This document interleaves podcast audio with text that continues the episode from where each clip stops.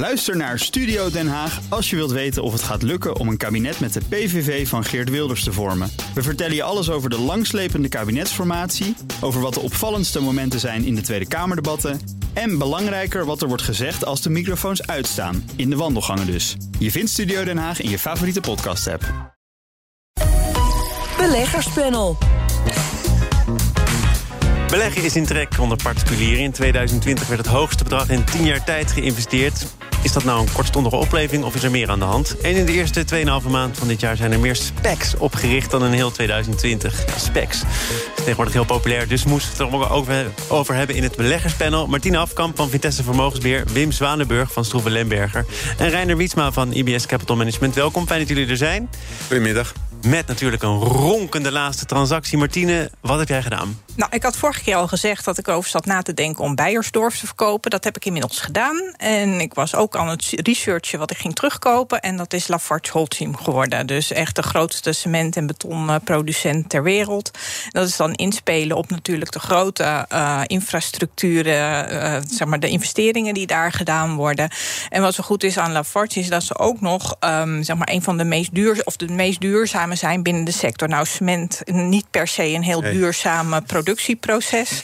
Want er wordt heel veel CO2 uitgestoten en natuurlijk heel veel water verbruikt. Maar binnen dan de sector, zij zijn de beste. En ze zetten er ook heel erg in op dat duurzame bouwen. En ze hebben ook de, een deel van de beloning van het management hebben ze verbonden aan dus behalen van klimaatdoelstellingen. Dus dat zijn mooie bijkomstige punten. Daarnaast geven ze ook nog een mooi dividendrendement. Maar is dan bijkomstig punt? Nou, het wordt of... steeds belangrijker, vind ik ook. Maar het is gewoon, um, ja, ik vind het gewoon heel belangrijk. Dus dat ook het management zich er ook echt aan moet committeren. Dat het niet een soort vrijblijvend geheel is van, nou ja, we hebben doelstellingen en we zien wel of we het halen, zeg maar.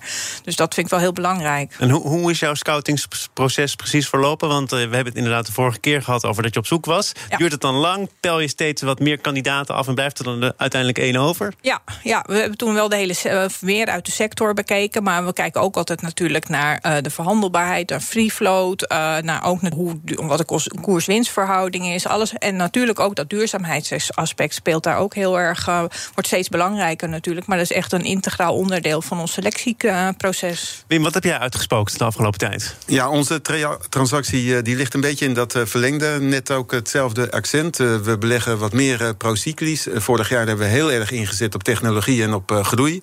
We denken dat die digitaliseringstrend niet gestopt wordt en ook wel Maar de Nasdaq 100 bijvoorbeeld, die heeft zo sterk geperformed. Daar nemen we even wat gas terug.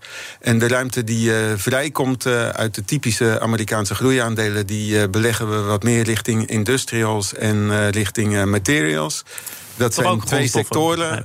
Het is grondstoffen, maar als je bijvoorbeeld in, uh, in een uh, ETF van uh, materials belegt, dan heb je het ook over bijvoorbeeld chemiebedrijven. Daar zit bijvoorbeeld zelfs een DSM of een Linde in, industriële gassen enzovoort. Dus dat is wel breder. We kijken heel goed wat er ook onder de motorkap zit van zo'n ETF. Dat ja, is een indexmandje. Je kijkt niet met een groene bril, of wel? Um, ook in die sectoren, ook in de chemie en, en, en dergelijke, ook in de materiaalsector. Uh, Martine noemde dat net ook al. Er zijn ook heel veel bedrijven bezig met uh, verduurzaming. En daar is bijvoorbeeld DSM, wat ook een onderdeel is van de materiaalsector. En ook in zo'n ETF zit, is juist wel een excellent voorbeeld van een company die ook aan ESG, dus milieu en sociale en goed bestuur criteria denkt. Dus wij beleggen eigenlijk wat meer uh, procyclisch. En we richten daarbij, uh, zeg maar, voor de materials kijken we naar een wereldwijde ETF. En voor de industrials naar een typisch Amerikaanse Spider. En voor, de, voor de materials kijken we naar een DWS. Dat is van de afsplitsing van Deutsche Bank, die daar de, de, de aanbieder van, van is.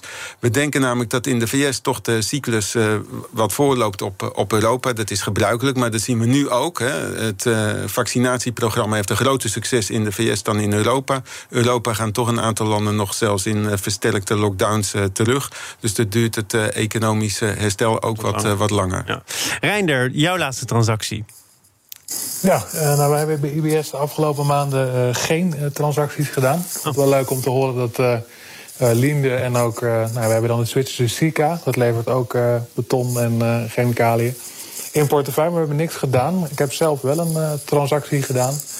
Um, we hebben wat, ik heb zelf Varta gekocht. Varta is een leverancier van uh, microbatterijen en ook van accu's.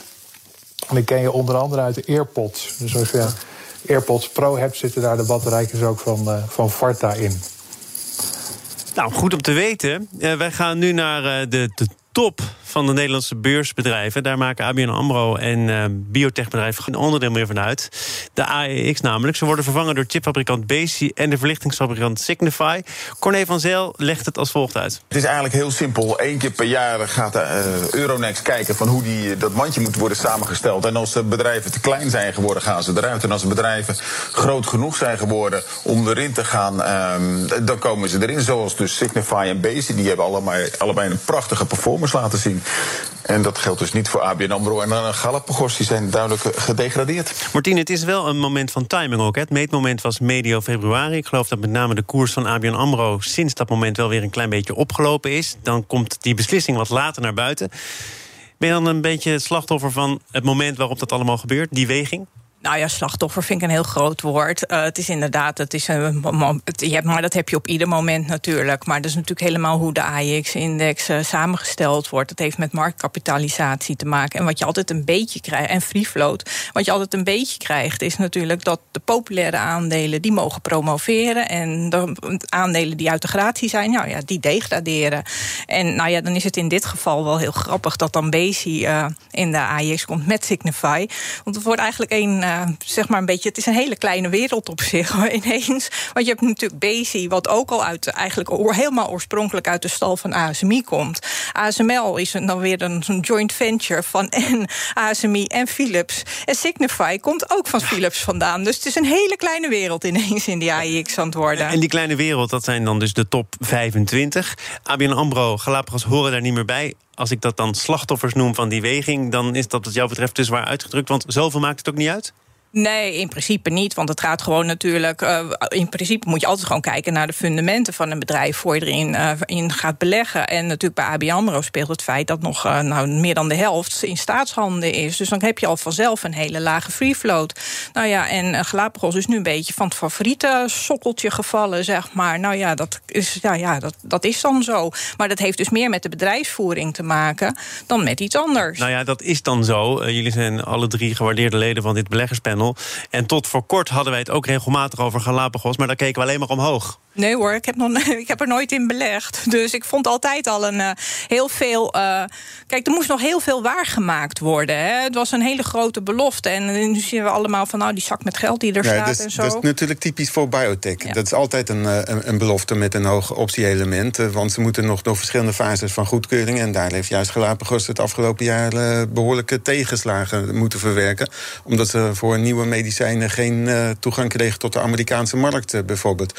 Op hun uh, kernbelofte om het ja, maar de, de tegenslag pakt wat forser uit, omdat ja. de voortekenen, misschien wel voor een deel opgeklopt door Galapagos, zo fantastisch. Nou ja, dat, uh, dat was ook inderdaad. En uh, daarom zeg ik, bij biotech moet je eigenlijk in, in, in de sector beleggen. Dus in, een, in, in of een actief beleggingsfonds of in een wat meer passief mandje van de sector.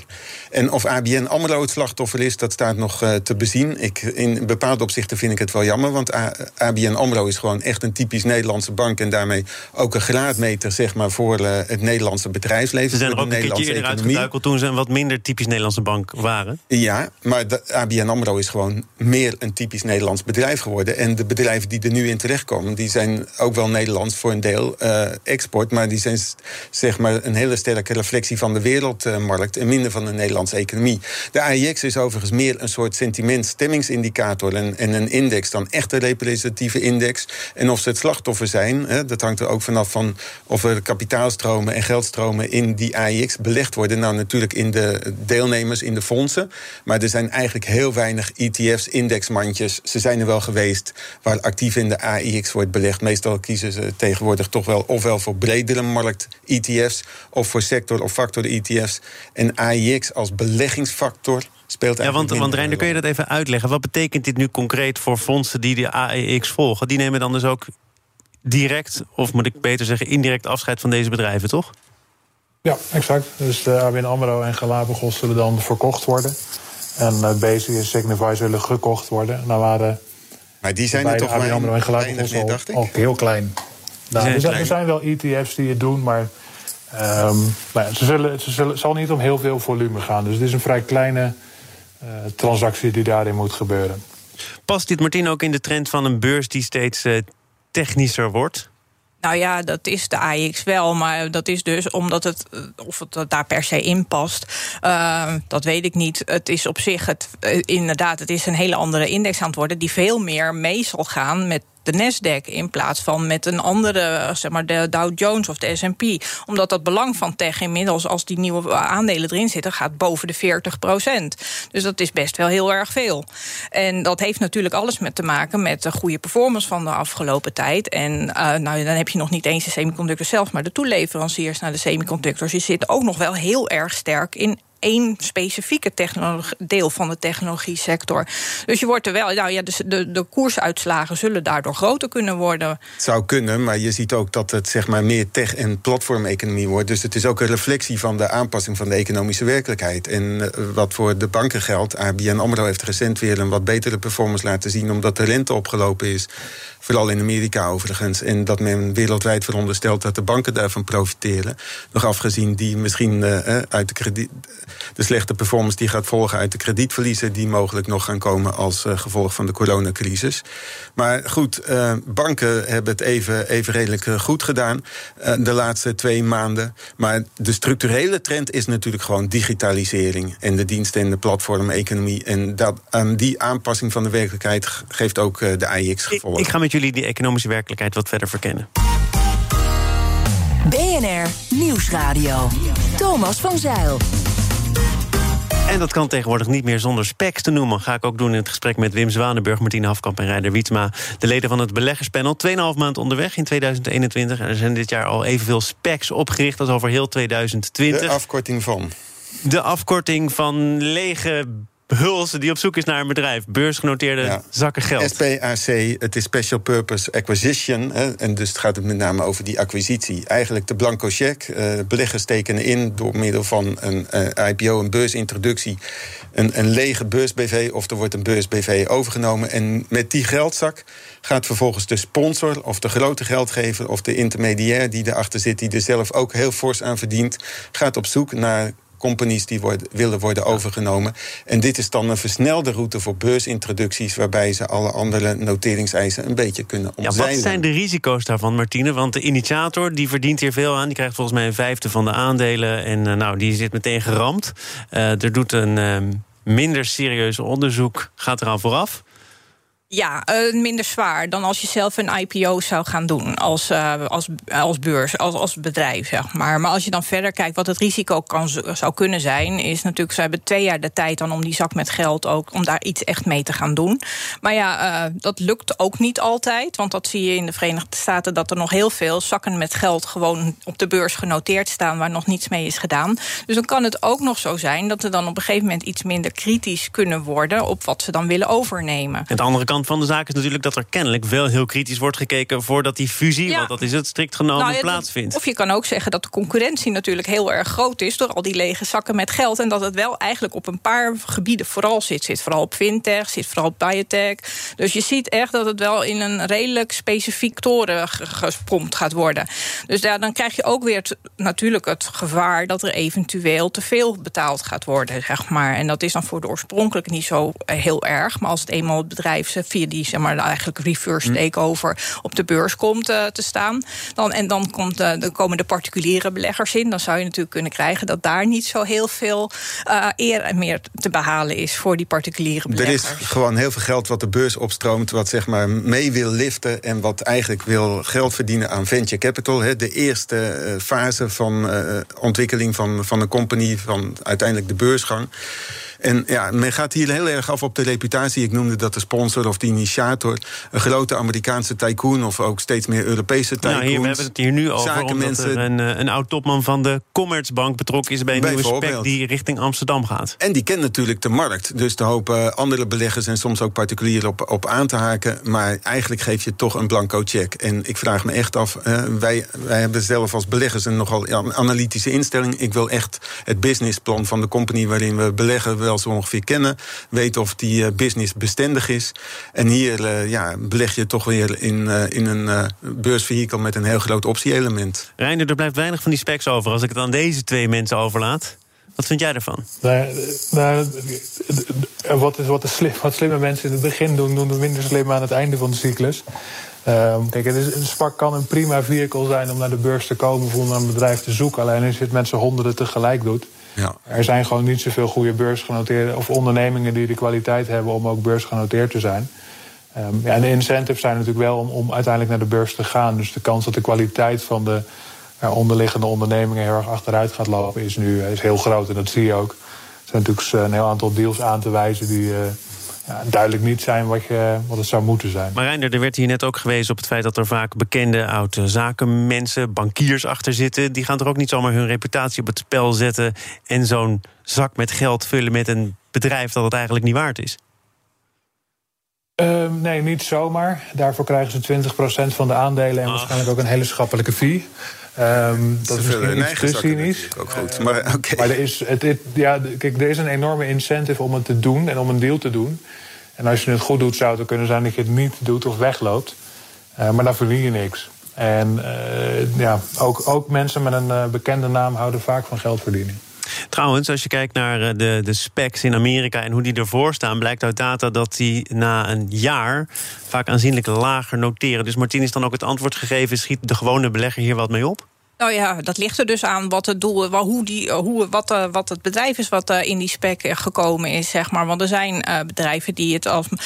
bedoel, je had ook CM.com hier in Nederland. Dat is wel een succes, een succes. geworden. Ja. Maar ja, bedoel, je bedoel, in de Verenigde Staten heb je ook de Nicola dat zo naar de beurs is gekomen. Dus ja, dat is dan weer de hele andere kant van het is volgens mij bij CM dat volgens mij de bedoeling was. Ja, dat ze zouden eerst, precies. Ze zouden eerst trouwens ook een IPO ja. gaan doen. En dat is toen op het laatst afgeblazen. Want je bent natuurlijk met een IPO ben je veel meer afhankelijk van het beurssentiment op het moment van die beursintroductie. Nou, en dat omzeil je weer een beetje via zo'n spec. En ook de, de, zeg maar, de doorlooptijd is veel korter. Dus dat nee, het positieve is, is, natuurlijk wel dat er zeg maar, nieuwe bedrijven zo naar de beurs komen, nieuwe technologieën ook een, een, een kans krijgen om, om verder kapitaal te vergaren.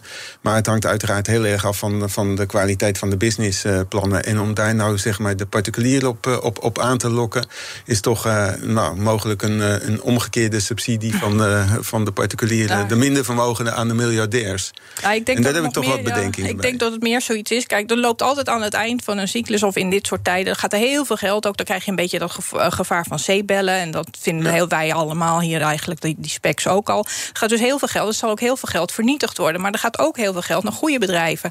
En eigenlijk horen zeebellen ook weer een beetje bij innovatie. Want er komen daardoor ook weer goede bedrijven. We leven in een energietransitie en in een informatietransitietijdperk. En er zullen ongetwijfeld ook hele goede businessplannen tussen zitten. Maar kritisch vermogen, zeg maar, dat eh, willen we als adviseurs toch wel eh, aan de dag leggen. Dus uh, ik, ik ben er naar onze klanten heel terughoudend over. tot slot, het recordbedrag aan beleggingen. Particuliere beleggers het afgelopen jaar voor 3,8 miljard. Dat is het hoogste bedrag in 10 jaar tijd. Ja, en bij Lim dan? Al nauwelijks meer bijbenen, Wim. Maar Rijn ik ga het ook even aan jou vragen. Want allereerst moeten we misschien de verklaringen zien op te helderen. Wat is hier aan de hand? Waarom is dit kennelijk zo populair? nou ja, ik denk dat in de afgelopen jaar een hoop particulieren, uh, net als uh, ondergetekende, thuis hebben gezeten en uh, minder hebben uitgegeven dan. ja, precies. Ja, dan ga je dus beleggen. Dan voorgaande jaren en dus ook wat overhielden aan het einde van de maand. En dat geld is niet alleen op spaarrekeningen gezet, die staan overigens ook nou ja, vol, of in ieder geval op recordhoogtes. Uh, maar is ook belegd. En dat is denk ik hartstikke goed als dat op de juiste manier uh, wordt gedaan. Ja, belangrijke toevoeging. Maar Martine, uh, Reinder zegt het hier al, er is ook als een gek gespaard. Ja. Dus als je kijkt naar wat er op die bankrekeningen staat, terwijl dat bewezen weinig oplevert, dan valt het misschien nog mee. Ik vind het uh, eigenlijk heel weinig wat er dan uh, richting de aandelenmarkten is gegaan of de beleggingsmarkt. Want het zat, ook in gemengde fondsen. Ja, Als je ziet wat er uh, gewoon 42, dat er gewoon 42 maar het dubbele van het jaar ervoor is er gewoon gespaard. Blijkbaar zijn die al, al die mensen heel goed bezig voor hun oude dag. Dat je gewoon dat lekker gaat sparen en er niks mee gaat doen. Ik vind het echt bijzonder. Die hebben het allemaal helemaal voor elkaar. Dus ik vind het er eigenlijk. Er zijn mensen die het ondanks alles waarschijnlijk toch een grote stap vinden of daar eh, angstig naar kijken. Ja, maar ja, bedoel, ik denk dat dat angstig naar die spaarrekening, dat je daar net zo goed angstig naar kan kijken. dan weet je Want wat dan weet je, nou ja, oh, niks. Of misschien wel moet je het toeleggen. Hè? Ik bedoel, als je heel veel hebt gespaard. Ja. Dus ehm, ik weet niet of ze dan, of, ze, of misschien zijn ze van plan om dat allemaal uit te gaan geven als we weer uit de lockdown kunnen komen. Maar als je gewoon verder kijkt, dan denk ik, ja, je moet gewoon, wil je wat zelf wat doen voor, voor, Voor je later als je groot bent, dan moet je gewoon eh, wel gaan beleggen. In ieder geval met een deel van je geld. En de vraag is dan, hoe moet je dat doen? Jij noemde het Ja. al, gemengde fondsen. Ja, gemengde fondsen. Dat vind ik echt. uitleggen? Ja, nee, gemengde fondsen betekent dat het verdeeld wordt over meerdere categorieën. Dus aandelen, obligaties en eventueel ook eh, grondstoffen en dergelijke. En ik vind dat je daar ook heel erg mee moet oppassen. Op dit moment zien we dat in Amerika de rente al aan het stijgen is. In Europa is die zelfs nog negatief. Dus waarom zou je als particulier, als je een lange beleggingshorizon hebt, van soms meerdere tientallen jaren, nou uitgerekend nu in obligaties gaan stoppen? Dus ik zou daar echt eh, een waarschuwende vinger willen opheffen. Doe het dan vooral in aandelenfondsen of in indexmandjes, ETF's. Er zijn een heleboel vehicles waar je met enige kleine studie toch wel goed uit de, uit de voeten kan. Ook als particuliere belegger. En eh, zo kan je ook een pensioen eh, opbouwen. Die schommelingen die eh, je op korte termijn ziet, die compenseren elkaar. En je kan daar ook een eh, goed eh, vermogen en een eh, pensioenvermogen Uh, mee Reiner, tot opbouwen. slot, die obligaties die zitten kennelijk toch een beetje in de lift. Dat gemengde beleggen, dat is op dit moment dan kennelijk voor sommige mensen de norm. Begrijp jij dat wel? Ja, Wim zegt dat heel makkelijk, maar niet iedereen kan even goed omgaan met die, met die schommelingen. En eh, zo'n gemengd fonds kan natuurlijk ook eh, als aandelen een goede periode hebben gehad wat afromen. En dat in obligaties beleggen. Ben niet, ik denk dat er weinig beleggers enthousiast worden van de verwachte rendementen in obligaties. Eh, maar het kan een prima manier zijn. En het is altijd beter dan een spaarrekening, want daar lever je inderdaad gegarandeerd in. Ja, maar als, je, als de rente stijgt, zoals nu in Amerika, zie je gewoon dat je in de verliezen terechtkomt met die obligatiefondsen. En de gemengde fondsen ik, heb, ik hebben daar ook een begrijp deel van. eh, eh, dat het is niet onlogisch eh, en ik, natuurlijk. Alleen, ehm, ja, er zijn mensen die dat een veiligere gedachte vinden. En eh, ik bedoel, het is niet, je kunt misschien beter dan wat op een spaarrekening laten staan, maar ook daar lever je eh, gegarandeerd in. En wie weet dat dit juist wel een mooi moment is, want in Amerika krijg je al 1,6% voor 10 jaar. Misschien is dat wel een hele mooie rente voor de Dat de gemoederen hier zo zouden oplopen, had ik graag vijf minuten eerder geweten. Het is niet anders. Reinder Wietsma van IBS Capital Management, Wim Zwanenburg van Stroeven Lemberger en Martina Afkamp van Vitesse Vermogensbeheer. Dankjewel. Ik moet namelijk ook nog even ruimte overhouden voor nieuws dat nog gaat komen. Het Europese Geneesmiddelenbureau, EMA, geeft om twee uur een persconferentie over het coronavaccin van AstraZeneca. Meerdere landen, waaronder Nederland, zijn tijdelijk gestopt met het toedienen van dat vaccin vanwege mogelijke bijwerkingen. Persconferentie wordt gegeven door de directeur van het EMA, de eerste Emmer Cook. Zometeen eerst het laatste half uur van BNR Zaken doen. Kijken we naar mogelijke oplossingen voor de scheve man-vrouw verhoudingen in de techwereld. Bij BNR ben je altijd als eerste op de hoogte van het laatste nieuws. Luister dagelijks live via internet. Bas van Werven. En heel langzaam komt de zon op rond dit tijdstip. Je krijgt inzicht in de dag die komt op BNR, het Binnenhof in Nederland en de rest van de wereld. De Ochtendspits. Voor de beste start van je werkdag. Blijf scherp en mis niets.